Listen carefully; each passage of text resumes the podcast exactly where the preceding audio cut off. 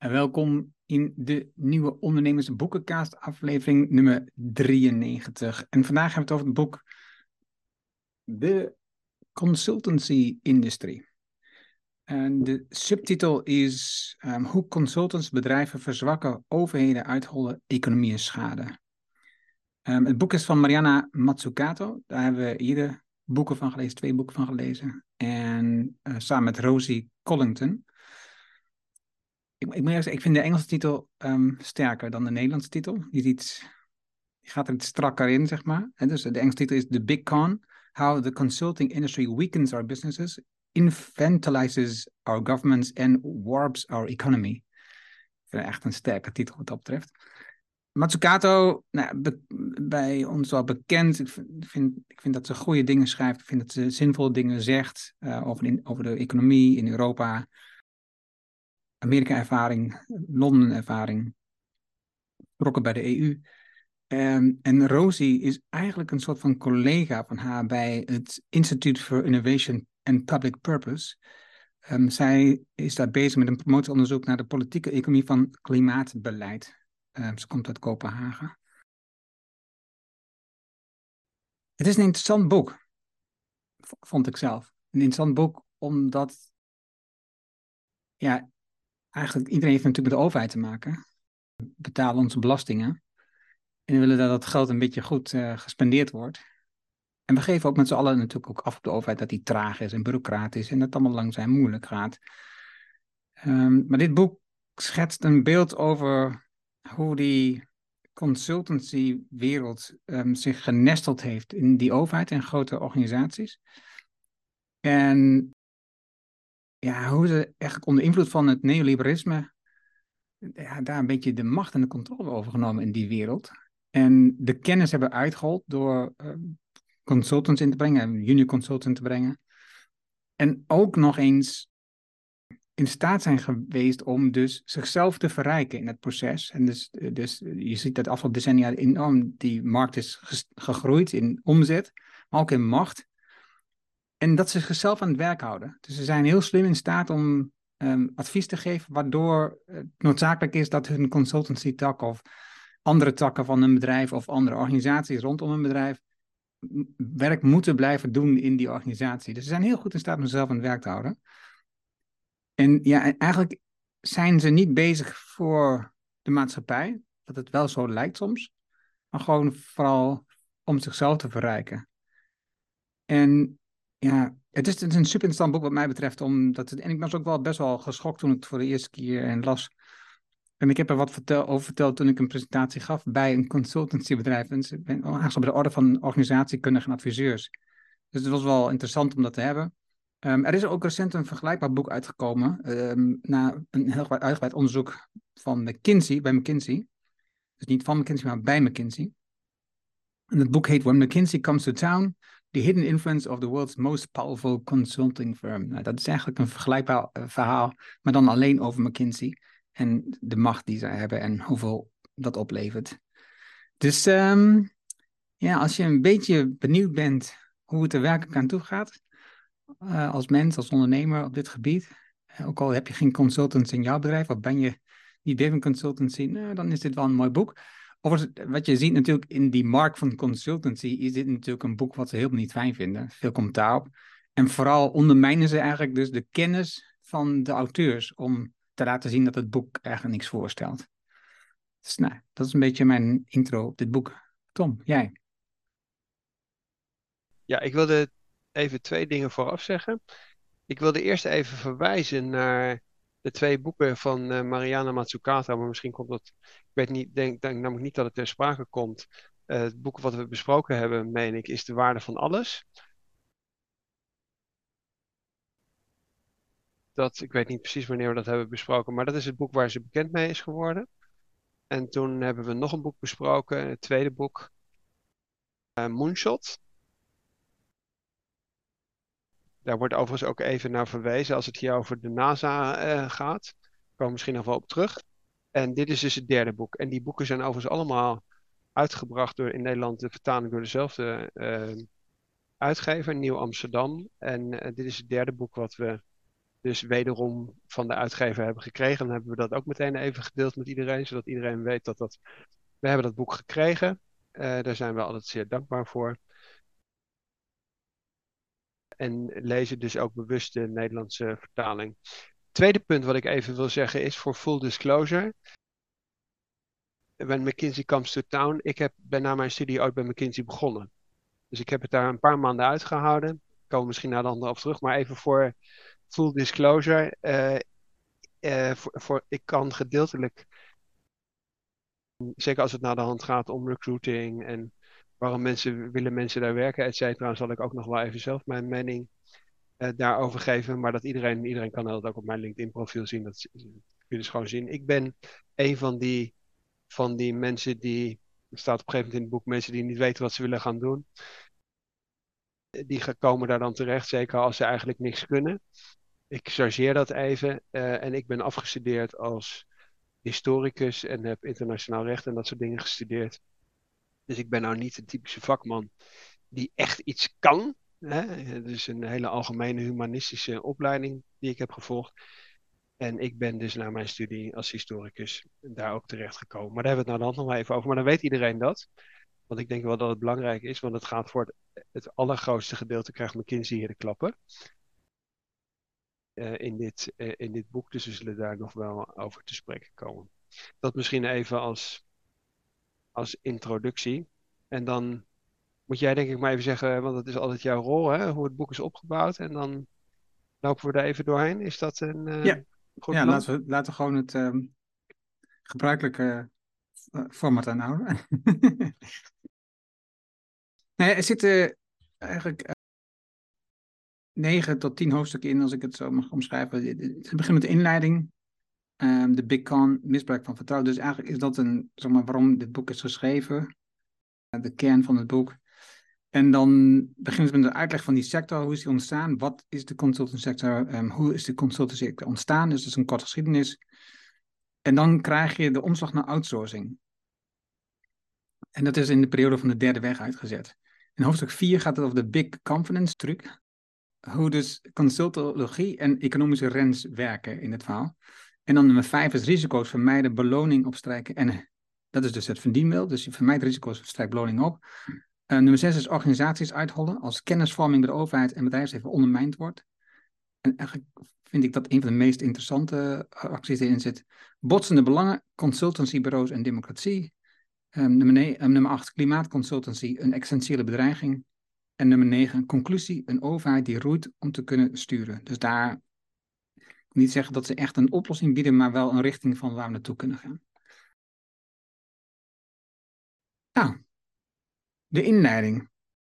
Begin jij maar eens. Ja, de inleiding. Um, ja, misschien nog even aanvullend op wat jij hebt gezegd. Wat ik heel vaak doe bij dit soort boeken is eerst de inleiding lezen en dan de conclusie en dan de tussenhoofdstukken. Uh, en dat zie je in dit boek eigenlijk uh, ook. Dat het zo op is gebouwd. Ik denk ook dat het laatste hoofdstuk, dat we daar ook echt even bij stil moeten staan, omdat daar inderdaad ook vier punten worden genoemd. Hoe je, de, conclusie is van de overheid die roeit om te kunnen sturen. Dus eigenlijk moet je, gaat het om van ja, hoe, hoe corrigeer je dat nou eigenlijk? Omdat die rol veel te groot uh, is, is geworden. En ja, in de inleiding ja, wordt eigenlijk die, die, die, uh, het, het probleem uh, geschetst. En dan is uiteindelijk dat hele middenstuk is eigenlijk een aan, aan één schakeling van schandalen en, en, en dingen die fout zijn gegaan. Het is echt uh, consultancy bashing, zou ik het ook willen noemen. Maar in dat eerste hoofdstuk dus, wordt eerst, ja, eerst gezegd van ja, waar komt dat nou eigenlijk vandaan? En wat is nou eigenlijk het, wat is nou eigenlijk het probleem? En misschien wat wel belangrijk is, is dat natuurlijk die, die, en dat is ook eigenlijk waar haar grootste kritiek vandaan komt en wat in de inleiding ook meteen wordt benoemd, dat natuurlijk uiteindelijk in het begin de consultancy eigenlijk alleen maar in de privésector was en bedrijven geadviseerd heeft. Maar dat op een gegeven moment in het kader van het neoliberalisme op een gegeven moment men natuurlijk van mening was, en dat is een thema wat wij natuurlijk ook wel heel vaak hebben besproken, dat met Thatcher en Reagan en het neoliberalisme de overheid eigenlijk zou moeten functioneren als het bedrijfsleven. en ook op die manier, dus alles is een klant. Het is niet een burger, maar het is een klant en efficiëntie en meten en weet ik veel wat allemaal. En, en wat hier wordt genoemd is, dat zullen ook wel een hoop mensen kennen, maar ik denk dat de term belangrijk is, New Public Management. Dat dus eigenlijk de overheid gemanaged moet worden als zij, als zij het, als ware het een bedrijf. En daar hebben de consultancy uh, organisaties een grote rol uh, in gespeeld. Um, en dat wordt in principe in, het eerste, uh, in dat eerste hoofdstuk als probleem beschreven. Ja, ze beschrijft ook nog dan, wat is dan precies consultancy? En dan heeft het over de Big Four en de Big Three. Je hebt aan de ene kant echt de consultancy adviestak met de grote bedrijven, nou, zoals McKinsey die we net noemden. Maar aan de andere kant heb je de Big Three. Dat zijn dan de accountants uh, bedrijven. En die kennen we ook allemaal wel. Uh, dus daar ga ik vanuit dat je die kent. Ja, en het is gewoon uh, bizar als je ziet hoe snel die markt gegroeid is. Hoeveel miljard daarin omgaat. Het is echt ongelooflijk hoe dat um, zo snel heeft kunnen opschalen. En vanuit, zeg maar, vanuit ondernemerschap gezien, um, is het heel kunstig hoe ze dat hebben gedaan. Als je, dus, als je er zo naar wilt kijken, is, is, wel leerzaam hoe, uh, hoe, hoe die consultiebedrijven hebben het georganiseerd. Maar het is denk ik niet echt uh, netjes, zou ik zeggen, op die manier. In hoofdstuk 2, daar gaat het echt over, um, even, hoe, hoe is het nou begonnen? En dan zie je dat McKinsey eigenlijk een van de eerste bedrijven is geweest die dat groter heeft aangepakt. McKinsey zelf, die overigens op nou, vrij jong, uh, nou vrij jong, maar in ieder redelijk jonge leeftijd is overleden. En op een bepaald moment ook in een positie kwam om met de overheid een rol te gaan spelen. En uh, dus, dus dan zie je, en dat zien we nu weer in de Europese functies die, die beschikbaar zijn. Mensen die voorheen uh, in McKinsey hebben gewerkt, die advies hebben gegeven aan oliebedrijven, die bij oliebedrijven hebben gewerkt en nu uh, advies willen geven aan de EU als ambtenaar om hoe wij zouden om moeten gaan met de natuur en ecologie, terwijl ze in het verleden dat hebben gewoon verzaakt als, als, als burger, als, als consultant, als, als werknemer. Dus het is, uh, en dat zie ik ook hier meer terug. Die, die mensen komen telkens weer op heel belangrijke posities uit, waarbij ze dus hun geschiedenis, hun voorgang uh, gebruiken, hun kennis gebruiken op verschillende plekken. Dat, nou ja, hun netwerk breidt enorm uit wat dat betreft. Dus het is ja, apart om te zien. En we kennen allemaal de, de matrix van, um, van de Boston Consulting Group. Dus uh, um, Cash Cow, de Dog, de Star. En dat zijn allemaal elementen die zij gebruiken om bedrijven versneld te organiseren, zodat, zoals zij zeggen natuurlijk en beweren, dat er meer uitkomt. Dat er altijd maar persen dat er meer uitkomt. En ze worden heel vaak ingehuurd om heel lastige klussen op te lossen. Dus als een bedrijf moet reorganiseren, wordt vaak zo'n bedrijf ingeschakeld, want dan kun je dat externe partij door de directie over. De externe partij kun je dat allemaal laten organiseren. Dan ben jij niet de kwade hond. Ook al verdwijnt daarna vaak ook nog de CEO of de oprichter bij, bij zo'n verhaal. Nou ja, en wat net je al zei, dat neoliberalisme, dat, dat speelt dus een belangrijke rol in die verandering. Want ook in Europa zag je dat uh, terugkomen, we hebben dat ook al vaak over gehad met het Marshallplan. Dat ook hier die consultants uh, tak zich steeds verder uitbreiden. Omdat dus die operaties zijn zo groot dat de overheid vindt dat ze het niet zelf kunnen doen. En dat dus adviseurs worden ingehuurd om dit te organiseren. Nou, dan komen we ook nog wel terug zo meteen, maar dat zag je dus bij corona ook. En het bijzondere is natuurlijk, eigenlijk op dat moment zelf dat ze worden ingehuurd ook helemaal geen verstand van hebben. Maar proberen zo snel mogelijk die kennis op te bouwen. En, en dan dus advies te geven op basis van die kennis die is opgebouwd. En die kennis bouwen ze op door de mensen die eigenlijk hard moeten werken in de organisatie, continu vragen te stellen hoe dat zit. En dus worden die mensen eigenlijk van hun werk gehouden door allerlei verschillende consultants, dus die mensen weten uiteindelijk ook niet wat ze moeten zeggen. Dus wat dat betreft, het is, um, het is absurd dat het kon, maar wel begrijpelijk achteraf als je naar het neoliberale gedachtegoed kijkt en hoe ze dat heeft kunnen om zich heen kunnen grijpen in de maatschappij. Uh, en dat zie je. En je ziet ook over de wereld hoe dat zich uitbreidt. Het is, niet, het is natuurlijk Amerika gestad, maar het is gewoon. India is het nu ook bijvoorbeeld. In China is het al lang. In Afrika is het al lang. En je ziet zelfs, en dat zie je ook bijvoorbeeld in het boek terugkomen. Dus je hebt dan uh, die Afrikaanse landen die bijvoorbeeld van hun schulden proberen af te komen. Die ergens uh, ontstaan zijn door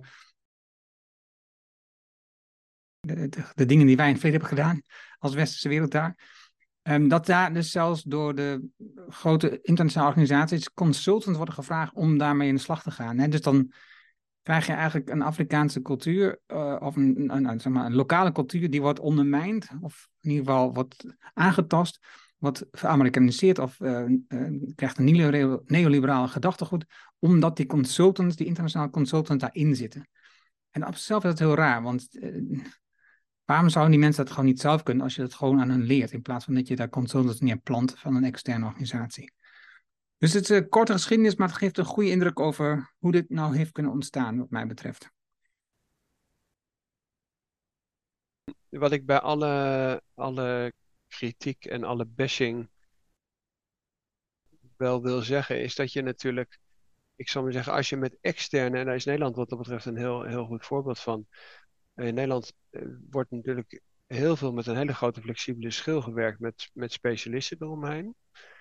Uh, dus ik, ik denk dat het boek sterker zou zijn geweest als je de dingen wat sterker van elkaar had gescheiden. Dus even in een simpel voorbeeld. Jij wilt bijvoorbeeld als bedrijf, wil jij op een gegeven moment naar toe.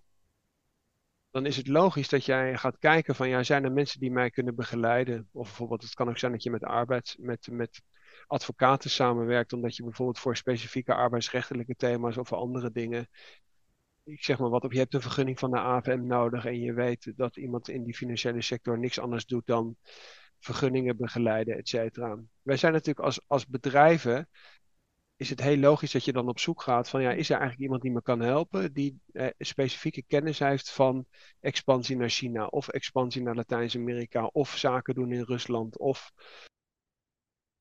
vergunningen bij de AVM, et cetera. Daar is op zich helemaal niks, niks tegen.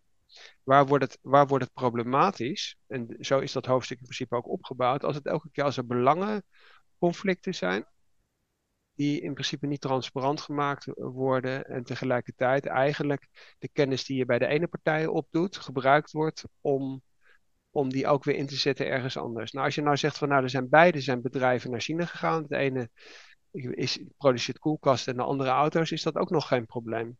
Maar op het moment dat je natuurlijk, ik zal zeggen, twee bedrijven adviseert die beide naar China gaan en hetzelfde produceren en concurrenten van elkaar zijn, dan heb je wel een probleem. En, en, en ik denk dat het daar fout gaat en ik denk dat het zinvol zou zijn, zijn geweest om de voordelen van de specialisatie toch wat te scheiden van, toch sterker te scheiden nog van het belangenconflict omdat namelijk in het begin, toen die consultancybedrijven nog klein waren, en daar, daar duidelijk meer een soort code of conduct was van, nou, als ik Philips adviseer, dan kan ik niet ook Siemens adviseren. Dan zou dat voor de rest ook oké zijn. Of als jij SAP wilt implementeren, dan kun je best zeggen van, ja, weet je wat, we hebben ook mensen die informatica hebben gestudeerd. Laten we eens gaan kijken hoe SAP functioneert. Maar dus als mensen niks anders doen dan SAP implementeren, dan is dat wel zinvol om met zulke mensen samen te werken. En dan moet je dat inderdaad weer scheiden van, ja, vindt daar dan kennisoverdracht plaats of niet? Um, nou, hoe zijn die hoofdstukken dan voor de rest opgebouwd? En dat is in principe wat jij ook net zei. Dat elke keer als er een mogelijkheid zich voordoet om die business uit te breiden, ja, dan, dan pakken ze die. Dan pakken ze die, uh, die kans wel. En zo is dat in principe opgebouwd. Dus of het nou de hoofdstuk 3 is, waar het om Clinton en Blair gaat, et cetera. Uh, als jij bijvoorbeeld dingen moet privatiseren en je, en, je, en je zegt van nou, we hebben daar ervaring op gedaan, dat zijn de fouten die je maakt, daar zou op zich ook nog niks tegen zijn.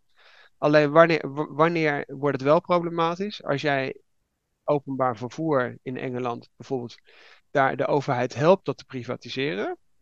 En dan tegelijkertijd na de hand met die, met die, met die privéondernemingen die dan na de hand openbaar vervoer aanbieden, die dan weer ook als klant uh, op, je, op, je, ja, op je lijst hebt staan. Want dan heb, weet je enerzijds weet je hoe de overheid gereguleerd. Dan heb je die interne kennis van de overheid.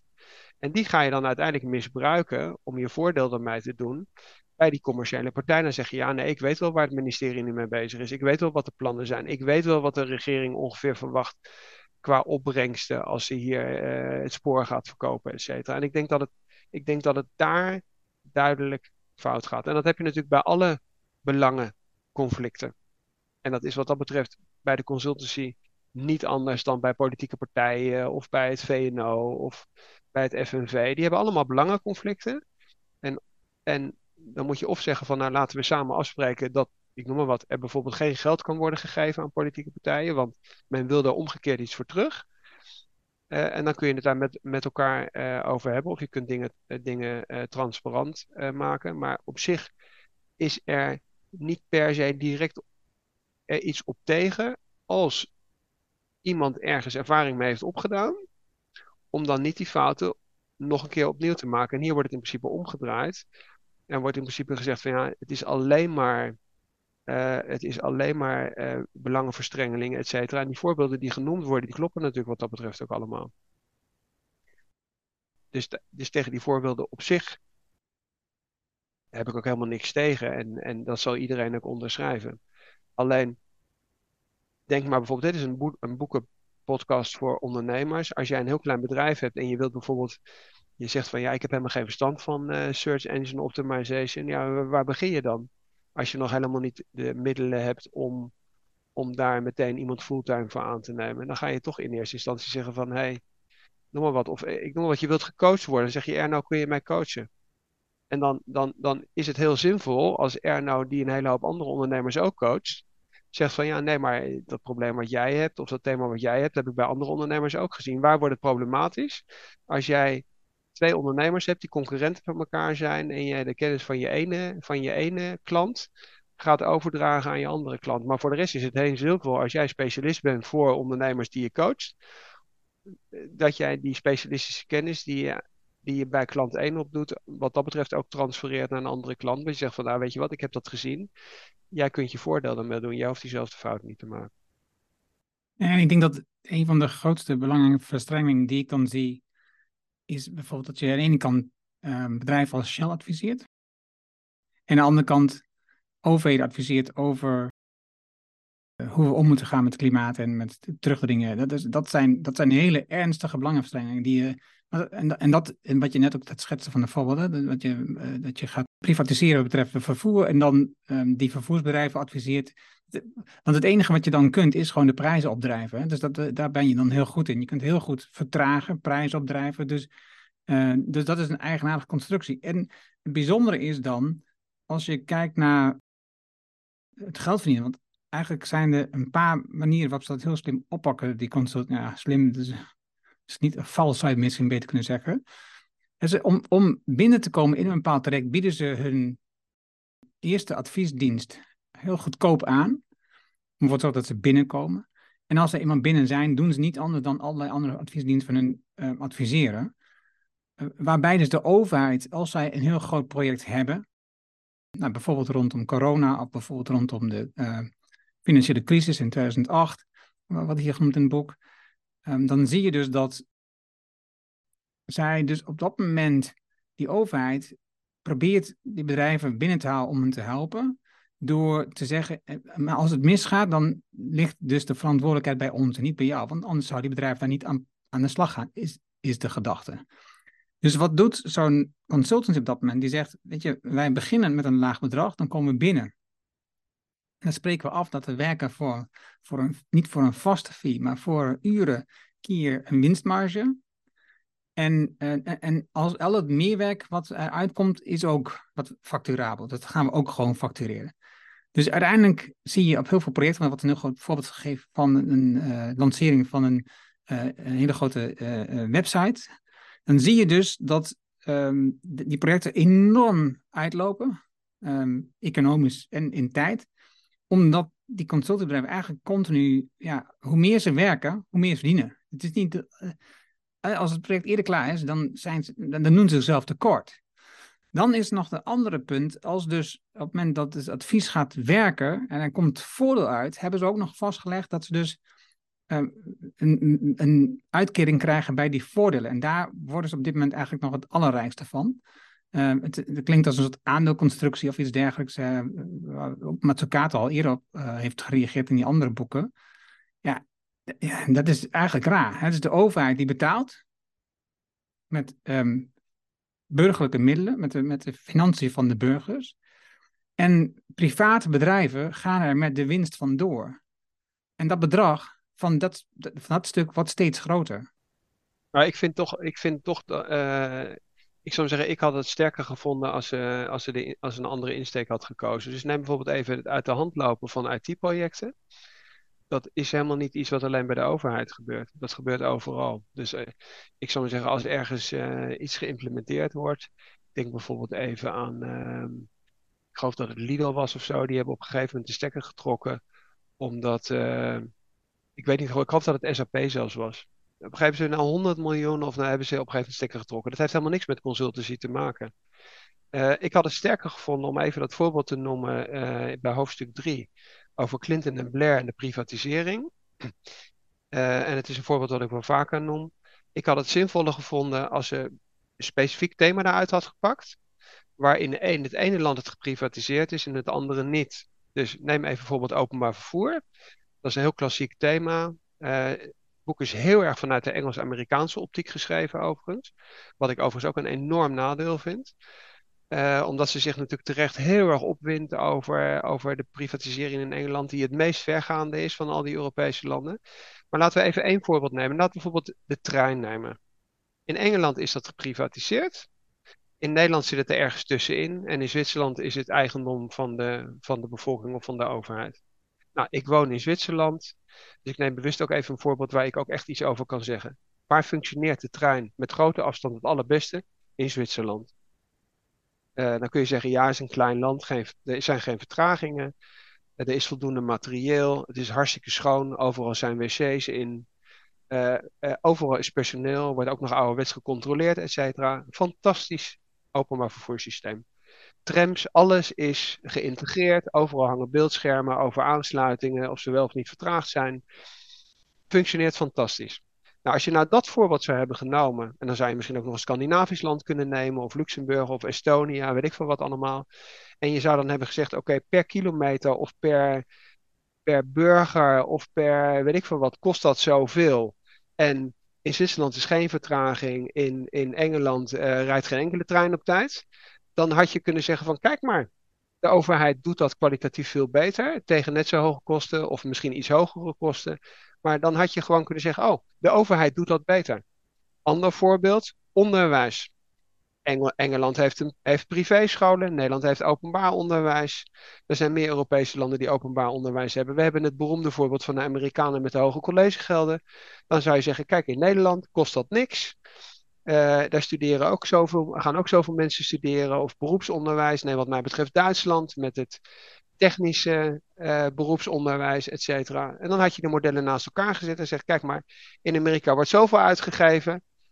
Kost rete veel geld, maar levert uiteindelijk onder de streep net zoveel uh, mensen op die A, B of C hebben gestudeerd. beroepsbevolking is helemaal niet goed opgeleid. Het Duitse model is met grote afstand superieur tegen veel lagere kosten. Nou, dan kun je nog wel even, dan even doorgaan met, met dat soort voor. Neem bijvoorbeeld het thema Nederland met kindercrashes op dit moment, die geprivatiseerd zijn. Heel veel geld kosten, één grote puinhoop is het. En dan hadden de mensen gezegd van, oh, de overheid doet dat dus veel beter. Dus laten we een discussie voeren over wat de overheid moet doen en wat, wat het bedrijfsleven moet doen. En dan zou je bijvoorbeeld in Nederland weer tot de conclusie komen dat het eigenlijk zinvol is dat de overheid de verantwoordelijkheid neemt voor kindercrashes en uiteindelijk gewoon die kindercrashes weer nationaliseert.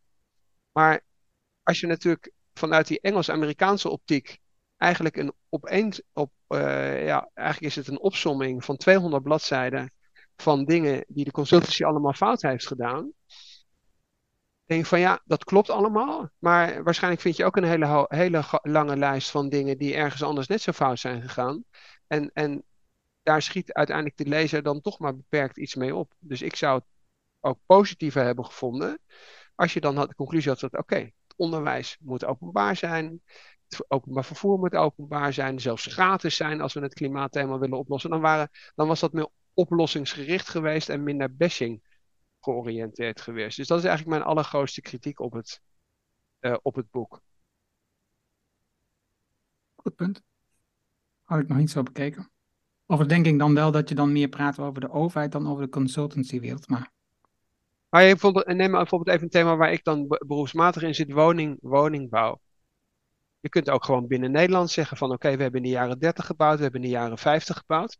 De grote architecten zoals Oud en weet ik veel wat allemaal, die, die, die, allemaal die, die bakstenen uh, wijken hebben neergezet in heel Nederland. Die stonden op de loonlijst van de overheid. Er is nooit zo efficiënt en zo goed en zo planmatig gebouwd als in de jaren 30 en 50. Niet te vergelijken met hoe er nu gebouwd wordt. Dus dan heb je binnen één land heb je een heel goed voorbeeld. En dan kun je zeggen, oké, wat is de conclusie? Die woningbouwcorporaties moeten hun vrijheid en hun macht weer terugkrijgen. En, en, en, en die belasting die men heeft ingevoerd om ze in principe, uh, ik zou maar zeggen, in de hoek te zetten, uh, die zou je bijvoorbeeld weer moeten terugdraaien. Dan zeg je iets over de overheid, maar welke relatie heeft het dan volgens jou met de consultancywereld?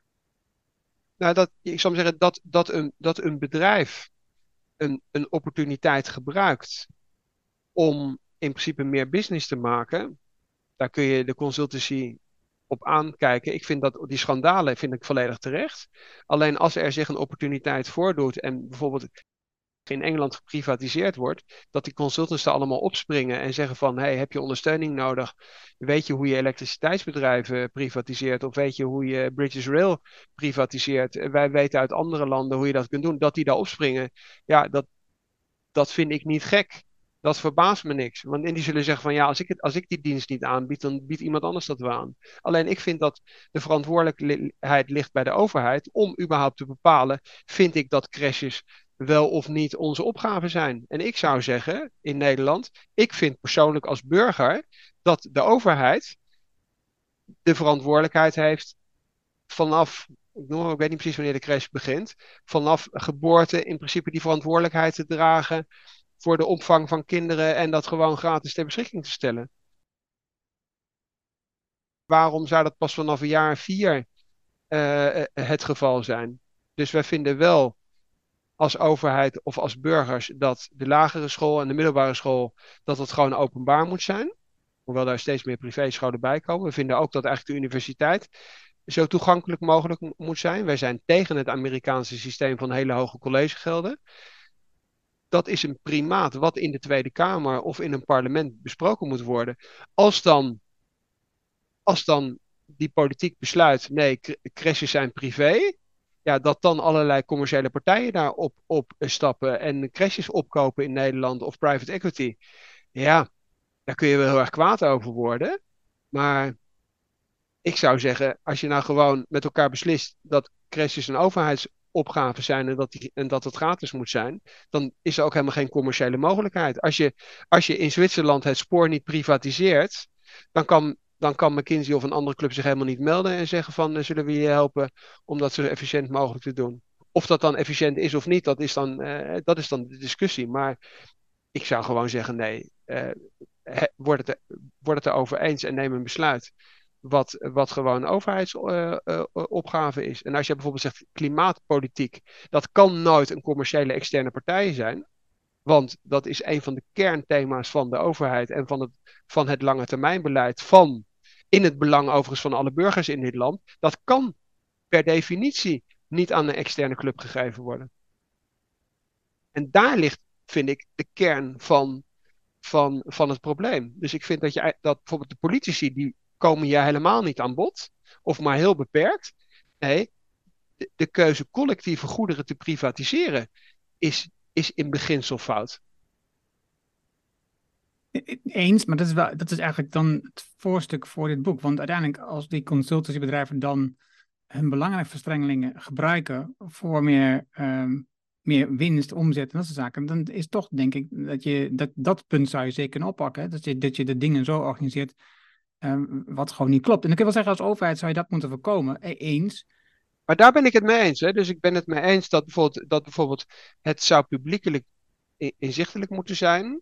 Dat als jij voor de ene partij een opdracht doet, dat die partij ook weet dat dat, dat dezelfde uh, consultancyclub ook de concurrent heeft uh, geadviseerd. En, en bij de overheid zou het ook zo moeten zijn dat als jij al dan een opdracht geeft, uh, ik zou maar zeggen om bij privatisering te ondersteunen, dat dan ook de conclusie is, ja, maar dan na die privatisering kun jij die commerciële clubs, die allemaal dan, uh, ik noem maar wat, stukjes openbaar vervoer willen overnemen, die mogen jullie niet adviseren. Daar ben ik het volledig mee eens. Ja, ja. Oké. Okay.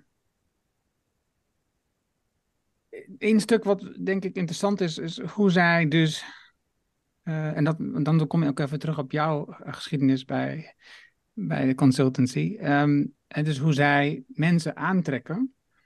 En nu, uh, natuurlijk in die tijd dat we de overheid afzetten als een, als een bolwerk waar uiteindelijk niemand wilde werken, omdat het niet aantrekkelijk was en ook heel tijd werd weggezet in de media als zijnde. Um, het is allemaal traag en moeilijk en vernieuwing loopt niet. En dan, dan wil je er ook niet echt graag werken. En dan komen die mensen komen uit bij ook nog eens een organisatie die meer, waar, waar, waar je veel meer verdient. En dus, dus je ziet dat op het moment dat dat gebeurt, dat dus de uitholling van de kennis bij die organisaties uh, plaatsvindt. Want de mensen die daar werken, vertrekken, gaan naar die consultbureaus. En dus uh, op het moment dat zij dan met een advies komen en bezig zijn in zo'n overheidsorganisatie of bij een ander groot bedrijf, dan beklijft die kennis dus niet in die organisatie. Want er is niemand om dat vast te houden. Dus als de consultant in pap en vertrekt, is de kennis ook weer weg. En dat, hoe heb jij dat ervaren toen jij um, daar startte? Ja, ik denk dat, ik denk dat het relatief logisch is als jij een omgeving creëert. Dat is overigens bij sport ook niet anders, waar heel veel uh, uh, ambitieuze uh, jonge mensen bij elkaar gezet worden die bepaalde intelligentie hebben en ook bereid zijn veel uren te maken, dat je dan een hele interessante omgeving creëert. Dat is bij sport niet anders. Dus als jij, als jij voetballen heel leuk vindt en je zet een aantal kinderen samen die het heel leuk vinden om elke dag te trainen, dan speel je ook liever bij Ajax dan bij, uh, weet ik veel wat, MVV. Nou, ik, heb, ik heb geen verstand van voetbal. dus, dus dat is logisch. Als je de mensen dan ook nog heel goed betaalt en je ze allerlei mogelijkheden geeft om interessante projecten te doen waar veel afwisseling zit, is dat ook niet gek dat het een magneet is. Dus even heel persoonlijk. Ik had na mijn studie de mogelijkheid te promoveren op mijn oude universiteit. Nou, iedereen weet hoe soms universiteiten eruit zien en wat je daar mag en wat je daar middelen hebt. Ja, en dan heb je, heb je, dan heb je daar een alternatief waar je vier keer zoveel betaald krijgt. Uh, uh, waar, waar, waar veel uh, ambitieuze mensen rondlopen. Ja, dat trekt, dat trekt natuurlijk aan. Maar dat is op dit moment hetzelfde als jij zou zeggen van ja, ik noem maar wat, je, bij een, bij een IT-bedrijf mogen de mensen zelf bepalen of ze van thuis werken en wanneer ze werken, et cetera. En je hebt een hele rigide, ouderwetse, verticaal georganiseerde organisatie waar iemand zegt van ik wil dat je er om acht uur bent. Hè? Denk even aan Ali en Nick dan met, met dat bunker-interview. Nine is fine, eight is great. Uh, ja, dan jaag je de mensen ook weer weg omdat de mensen zeggen van, nou ja, maar ik ben IT'ler. Ik uh, heb helemaal geen zin om in die volle trein elke dag te zitten. Dus dan zijn de mensen binnen een jaar weer weg. Dus ik vind dat op zich ook allemaal niet zo gek. Dus ik zou die dingen voor een gedeelte van elkaar scheiden. Dus ik had bijvoorbeeld eerder gezegd van, als je weet dat dingen heel erg relevant zijn voor de overheid, zorg daarvoor dat die mensen veel beter betaald worden. Ik zou het ook veel beter vinden als de premier in een land, ik zeg niet tien keer zoveel moet verdienen, maar dat zou substantieel meer moeten zijn. dat zijn de mensen die de meeste verantwoordelijkheid dragen. Die zijn voor ons burgers met grote afstand rete belangrijk. Ja, betaal die mensen dan gewoon veel en veel meer.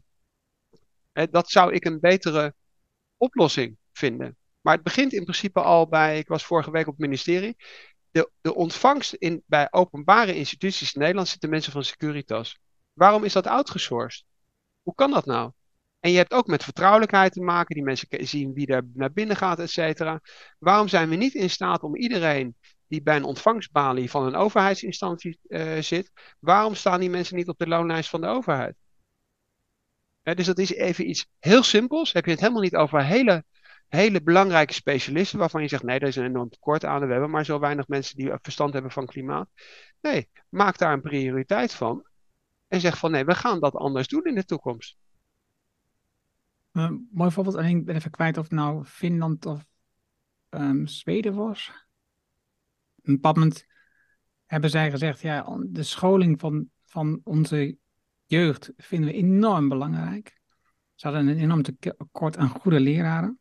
Dus ze hebben um, echt gigantisch een verandering doorgevoerd in de, in de uh, betaling van leraren op basis- en middelbare scholen.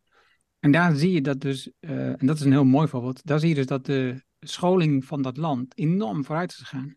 En dat leraren daar met heel veel plezier aan de slag gaan en ook leerlingen met plezier op school komen, omdat dus de intrinsieke motivatie um, veel makkelijker aan te boren is bij die mensen, omdat ze ook goed betaald worden en niet op een andere plek zitten op dat moment. Tuurlijk, en ik zou maar zeggen, het, het kernhoofdstuk, en uh, dat is waar, uh, als ik het goed begrijp, die Rosie Collington, uh, dat is dat hoofdstuk 8 over, over, over klimaat. Je kunt het in principe ook gewoon plat slaan en zeggen, oké, als klimaat eigenlijk per definitie tegen het belang van het bedrijfsleven ingaat, maak het even heel simpel. Dan, dan, en we hebben een ministerie van Klimaat, of Economische Zaken en Klimaat, wat ik overigens ook al, uh, kan je ook een vraagteken over, over, over. Maar je zou zeggen, zou je dat nou juist niet op afstand moeten zetten? Net zoals de rechterlijke macht, eh, de trias politica, je ook daar een bewuste scheiding hebt. Maar laten we wel, je hebt een ministerie van Klimaat. Dan zou ik zeggen, oké, als dat het allerbelangrijkste vraagstuk is wat we met z'n allen hebben, dan definieer je in eerste instantie dat op dat ministerie van Klimaat koppeling plaatsen met de universiteiten, waar je overigens niet allerlei met derde gelden gaat werken, van allerlei bedrijven, et cetera. Maar, en daar worden alleen maar intern mensen aangenomen en die betaal je competitieve salarissen. Ik denk het helemaal niet dat het allemaal, dat het allemaal exorbitant moet zijn, maar dat moet competitief zijn. En het, wordt gewoon, is gewoon een insourcing strategie. En dan zeg je, oké, we redden dat weliswaar niet binnen, ik noem wat, binnen een jaar. We kunnen niet in één keer die kraan helemaal dichtdraaien. Maar we hebben, strategisch is dat zo relevant. We moeten dat weer insourcen. Net zoals we zeggen, we moeten, die we moeten weer in staat zijn mondkapjes zelf te produceren. En dan zeg je, hoeveel tijd hebben we daarvoor nodig? Oké. En dan en dan niet, als je zegt van nou, nee, in vier jaar redden we dat niet, dan uh, moet je dat breed in, de, in het parlement bespreken. En dan zeg je oké, we hebben daar acht jaar voor nodig, ik zeg maar wat. Net zoals we grote projecten als de Delta werken, et cetera, dat is ook niet de opgave van één regering. Dan zeg je ook, klimaat is zo belangrijk, zullen we dat van elkaar scheiden? Is denk ik zuiverder, is overigens voor het bedrijfsleven ook zuiverder. Hè? Uh, en, dan, en dan wordt vanuit het primaat van de politiek gedefinieerd wat is precies de opgave, wanneer willen we CO2-neutraal zijn. Uh, en dat betalen alleen maar ambtenaren. Zou ik 100% voor zijn. Ik geloof ook helemaal niet in zelfregulering. Ik geloof ook niet in zelfregulering voor de financiële sector. Ondanks het feit dat ik in de financiële sector werk. Het woord zelfregulering is contradictio in terminus. Je kunt je niet zelf reguleren. Dat moet een externe doen. En, en hoe, hoe, strenger en hoe beter en hoe transparanter dat gebeurt, des te beter is het uiteindelijk voor alle partijen. Ja. Oké. Okay. We gaan naar de conclusie om het af te ronden. Ik vind dat overigens het interessantste hoofdstuk hoor. Daar was ik dus nu benieuwd naar, wat jij, wat jij daarvan vond, van dat hoofdstuk. We hebben vier uh, stappen uh, gedefinieerd, vier onderdelen gedefinieerd in, in die oplossing. En het is een nieuwe visie, missie en taak uh, voor het ambtenarenapparaat. dat is eigenlijk een beetje het beeld wat jij nu schetst al een beetje. Hè? Dat, je, dat je iets opzet waarbij je zegt, oké, dit, is, dit is wat we te doen hebben. Nou, en dan kun je heel goed natuurlijk zo'n klimaat, een klimaatonderdeel in je overheid organiseren. Um, waarbij je zegt, dit is onze visie. We hebben 2050, hebben alles goed georganiseerd. Uh, we zijn circulair. Al die zaken die heel belangrijk zijn voor de maatschappij, voor, de, voor, voor iedereen, voor Europa. Dat gaan we organiseren. 2030 uh, hebben we dit en dit bereikt. Dan heb je stappen in het plan. En dan heb je dus ook, want dat is wat we eerder besproken hebben. als je kijkt naar wat drijft mensen. Je moet, je moet mensen iets geven, een stip op de horizon. Je moet iets geven van, oké, dit is waar we achter staan met elkaar. Dit gaan we met elkaar fixen als je dat niet hebt, dan, ja, dan gaan mensen ook weg. Want daar is namelijk geen doel om, om elke dag naartoe te gaan, om aan bij te dragen. Dus dat is, um, zij zeggen dat het een, uh, de, de, de, overheid is een waardescheppende kracht in de economie. Dat is als een van de eerste dingen. Nou ja, noemen ze een aantal stappen hierin nog. Maar het voorbeeld wat zij noemt bijvoorbeeld is waar zij vaak naar verwijst, maar dat heeft ook te maken in Moonshot komt dat namelijk ook terug. Hè, dus Put the Man on the Moon. Uh, dat is DARPA. Hè? Dus uh, Defense Advanced Research Projects Agency, waar ook het internet en zo vandaan komt. Die op een gegeven moment gewoon hebben gezegd, ja nee, dat moet gewoon, dat is zo relevant, dat moet overheids, dat moet overheid zijn. Maar om het even heel simpel terug te pakken op dat thema van, van Nederland met de crashes, waar zoveel uh, over gesproken wordt en het onderwijs. Het, het, het, hoofdstukje, of tenminste dat onderpunt op 239, een nieuwe visie, missie, taak voor het ambtenarenapparaat. De, de visie zou zijn, we willen maximale sociale mobiliteit. vroeger zou je zeggen, de dochter van de slager moet net zo makkelijk de kans krijgen uh, in vergelijking tot, tot een kind wat uit een, uit een academisch milieu komt. dat, dat is de visie, dat heeft ook met waarden uh, te maken.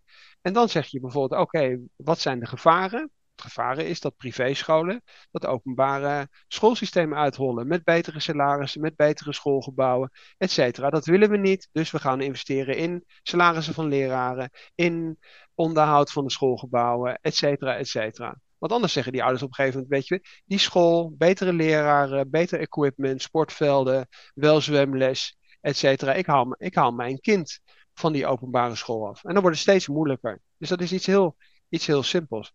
Het tweede punt wat zij wat, noemt wat, is... Wat, wat, ja? wat, je nou vertelt over die school, toevallig stond er dus dit weekend, en ik zag op LinkedIn van mij een artikel hierover in de krant, dus ziet dus dat dus uh, er steeds meer, zo'n 30% van de kinderen blijven na de reguliere schooltijd in de klas zitten en worden dan opgeleid door particuliere trainers. Het is, en dus wat je dus al hiermee krijgt, is precies wat je net beschreef, die, die gelijkheid, die verdwijnt dus. Want mensen die dat kunnen betalen, die kunnen die, die dat organiseren voor hun kinderen. En, en dat doen ze dus met liefde, want ze willen natuurlijk het beste voor hun kind. Maar er zijn natuurlijk een heel groep mensen die dat niet kunnen betalen. En dus daar ontstaat mee gelijk ongelijkheid. Want die zijn niet in staat om datzelfde uh, kennisniveau dan te bereiken als die kinderen die dan wel die extra lessen krijgen, die bijlessen of wat dan ook. Dus toevallig was er dit weekend een eigen artikel over hier gepubliceerd. Ja, en wij hebben dat thema ook besproken toen we het boekje van Schimmelpenning besproken hebben. Omdat Schimmelpenning terecht zegt, je moet die ouders, moet je niet in die situatie brengen. Omdat elke ouder wil het beste voor het kind. En zal op een gegeven moment, als het zich financieel kan permitteren, die kinderen van die openbare school halen of extra bijles geven, et cetera. dus je moet als overheid daar een duidelijke mening over hebben. Het vaak over Scandinavië, Finland, et cetera. Is een, iets heel simpels, begrijpt iedereen. Alleen moet je wel dan ja, uh, de visie hebben. Uh, het staat overigens in het verkiezingsprogramma van Volt. Die hebben gezegd privéscholen afschaffen. In ieder geval duidelijk politiek standpunt, duidelijke visie over sociale uh, mobiliteit. Oké, okay, punt 2. Ja, dat is dus die, uh, wat natuurlijk, wat daarvoor dus op, weet ik veel, 100 bladzijden wordt beschreven hoe die kennis uitgerold wordt. Ja, dat is precies tegenovergestelde. Je moet investeren. Hè? Uh, je moet, je moet die mensen die daar dan naartoe gaan, die afgestudeerde academici, attractieve mogelijkheden bieden. Ik denk in Nederland overigens dat de salarissen van de overheid helemaal niet slecht zijn. Die zijn zeer, zeer competitief. Uh, zeker zeker voor, uh, voor mensen die uh, beginnen met werken. Dus dat is het probleem niet. Ja, en dan is de vraag van hoe ontwikkel je dat verder? Hoe bouw je die kennis op? Ja, en hoe, hoe, hoe meer kennis en kunde er is, en hoe meer die interessante projecten die toekomstgericht zijn, juist door de eigen ambtenarij uh, ik zou maar zeggen, opgelost mogen worden, des te attractiever is die werkomgeving ook. Dus je zou al, als je je eigen werkomgeving binnen het ministerie attractiever wil maken, dan zou dat al een reden zijn dat je die consultantsprojecten eruit moet gooien. Omdat dat waarschijnlijk de interessantere projecten zijn, waarvan de mensen zeggen van, ja, maar als ik hier op het ministerie werk, dan wil ik wel met toekomst 2030, 2040 bezig zijn. En als het echt interessant wordt, dan, uh, dan is er een of andere externe consultant die mij uh, uitvraagt. En dan na de hand in de presentatie dat neerzet wat, wat wij hier met z'n allen sowieso al weten. Ja. Punt drie is het leren van evaluatie die op eigen benen staan. Oké, okay, slaan we snel over. Het is gewoon logisch, zou ik zeggen. Niet zo interessant. Maar de vierde, de roep om transparantie en openbaarmaking van belangenconflicten. Nou, daar hebben we het ook al een paar keer over gehad. Dit kan gewoon niet. Je kan niet aan de ene kant uh, Shell adviseren en aan de andere kant de overheid adviseren op het vlak over um, ecologie of over het milieu of wat dan ook, of over het verhitten van de aarde. Dat is onmogelijk. Dat, maar dat kan ook niemand. Niemand kan, als je, als je beide partijen zou hebben als klant, dan kan niemand nog gewoon eerlijk zeggen in de ene opdracht, dit is mijn advies, en dat niet gebruiken in de andere opdracht. Dat, is, dat, dat kan je van mensen niet vragen. Dus dus je moet het gewoon helder maken dat die belangen er zijn. En zodat mensen een keuze kunnen maken. Ik ga in dit, in dit project niet met die partij werken, want ze hebben al dat verhaal, met dat belang. Dus ehm, ja, en transparantie lijkt me niet heel ingewikkeld om dat te organiseren, zou ik zeggen. Maar vanuit de overheid dus. Ja, wat dat betreft is natuurlijk eh, juist omdat ik geloof gisteren die, of eergisteren die toespraak van Hoekstra was in het Europees Parlement.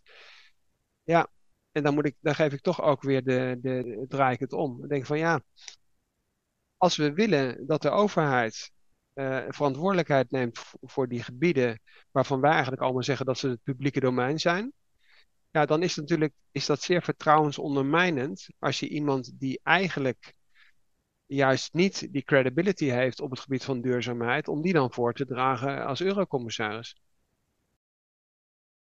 Daarom denk ik van ja, je zult toch bij dit soort thema's eigenlijk eerst voor je eigen voordeur moeten, moeten keren. En eigenlijk eh, hand in eigen boezem moeten steken, ook als overheid. En moeten zeggen van ja, de macht uiteindelijk om dit soort thema's te besluiten, het primaat ligt toch echt wel in het parlement bij de politiek. Dus het is met al die schandalen, je kunt het allemaal, hè, we zijn het allemaal mee eens, ik spreek het ook helemaal niet tegen. Alleen als de politiek duidelijker zou zijn, een duidelijke visie zou hebben, duidelijk de boel zou afbakenen en zou zeggen van dit is het publieke domein. Hier heeft commercie of wie dan ook helemaal niks mee te maken. En daar is privéscholen misschien gewoon een heel simpel, makkelijk voorbeeld op dit moment. Dan zou je dat, die hele discussie en dat gedonder over de rol van private equity in crashes en allerlei andere toestanden. Je zou die discussie helemaal niet hebben. Omdat er namelijk helemaal niet een privé-aanbieder die dienst, school kan aanbieden. Staat gewoon niet. Oké, dat is uh, onze laatste woorden over uh, de inhoud van het boek. Op de voorkant staat dat Bergman zet een quote. Dit boek moet een begin zijn van het debat. Hebben we al die consultants echt nodig? Nou ja, ik denk dat het debat eigenlijk is wat jij net schetste. Um, laten we beginnen met de overheid. Laten we beginnen bij het begin, zodat we dat duidelijk krijgen. En dat er eigenlijk um, die vraagstukken helemaal niet opkomen. Want dan heb je ze helemaal niet nodig. Dan weet je ze niet nodig hebt. Ik vond het in eerste instantie boek. Ik begrijp je punt en ik snap ook dat er dus nou, ook wel dat het, dat het beter geschreven had kunnen worden. Van een veel breder standpunt dat gezien kunt worden. En dat je ook meer had kunnen kijken, oké, naast al die consultancy-projecten en consultancybedrijven, kunt kijken ook naar wat is eigenlijk de rol van de overheid hier en wat zou dan de oplossing zijn. Die komt dan in het laatste hoofdstuk naar bod, maar dat is eigenlijk voor de rest in het boek niet onderzocht. Dus eigenlijk niet aangegeven hoe dat dan verloopt bij verschillende uitvoeringen van eigenlijk dezelfde oplossing of hetzelfde product of dezelfde dienst. En dus wat dat betreft, ik vind nog steeds een aanrader een boek te lezen. Uh, omdat ik denk dat, je, dat die schandalen uh, interessant zijn om voor jezelf een beetje een mening te vormen over die consultbedrijven. Wil ik daar, wil, ik daar wel werken, bijvoorbeeld? en voor de rest, ja, denk ik dat wat jij aan het begin al zei, als je een kleine organisatie hebt en je zoekt advies omdat je bijvoorbeeld naar een ander land gaat. Ja, natuurlijk huur je dan advies in. Want het is de kennis die je niet in huis hebt. Maar vraag wel even na, kijk wel even na adviseer is toevallig ook je concurrent. En dan weet je dat je misschien even naar een andere leverancier moet gaan om diezelfde dienst in te huren. Wat ik misschien nog wel een belangrijk aanvullend punt is dat uh, bij de dingen die bijvoorbeeld nog wel functioneren en die bijvoorbeeld niet, in, die niet geprivatiseerd zijn, daar zou ik ook zeer bedacht op zijn. Dus neem bijvoorbeeld gewoon uh, de openbare wegen. Die zijn in Nederland gewoon publiek bezit zijn uh, fatsoenlijk onderhouden. Ja, misschien dat er een keer af en toe ergens iets instort en dat je een brug eerder had moeten repareren, et cetera. Maar de publieke infrastructuur functioneert uitstekend. De wegen, dat klopt allemaal. De fietspaden, het klopt allemaal. Als je dan naar andere landen kijkt, waar men zegt, ja nee, de overheid had er geen geld voor. We hebben we hebben die, we hebben die autoweg hebben we aan, in Italië bijvoorbeeld. Ik geloof Benetton heeft daar grote belangen. We, hebben daar, uh, we maken daar een soort tolweg uh, weer van. Zoals een paar honderd jaar geleden. Nee, je kunt dat als politiek besluiten. Dat je zegt van nee, wij, wij zijn helemaal geen privéwegen waar een huisje staat waar je dan uh, je creditcard langs moet houden, om, omdat je anders dat stuk autoweg niet, niet mag bereiden. Het functioneert in Nederland. Dus, dus ik zou juist zeggen, laten we oppassen dat de thema's die nog wel goed functioneren, dat we op een gegeven moment zeggen, jongens, nu is het genoeg, laten we de boel terugdraaien. Crashes is een goed voorbeeld. Uh, omdat het is nog niet te laat om die boel terug te draaien. En we leven ook nog niet in Engeland, gelukkig. En we hebben ook nog geen, geen uh, volledig geprivatiseerd schoolsysteem. Dus het is niet te laat, alleen de overheid moet dat prima terugpakken. Ja. Oké, dat was hem. Ehm, waarschijnlijk onze volgende aflevering gaat over het, boek, het nieuwste boek van Elon Musk. Uh, hopen het. E-, even, even kijken of dat lukt in de planning. Zo niet, dan uh, pak een ander boek en dan komt dat boek van Elon Musk iets later. Het is een, het is een gigantisch dik boek. Maar wel, uh, het leest gelukkig lekker weg. Ik ben al een beetje begonnen. En uh, dankjewel voor het luisteren. Uh, we hopen dat jij dit net zo interessant vond als wij om het boek te lezen. En daarover te discussiëren met elkaar, want dat is eigenlijk waar dit voor ons over gaat. Dus um, graag tot de volgende aflevering. Dankjewel, Tom. Dankjewel, Enno.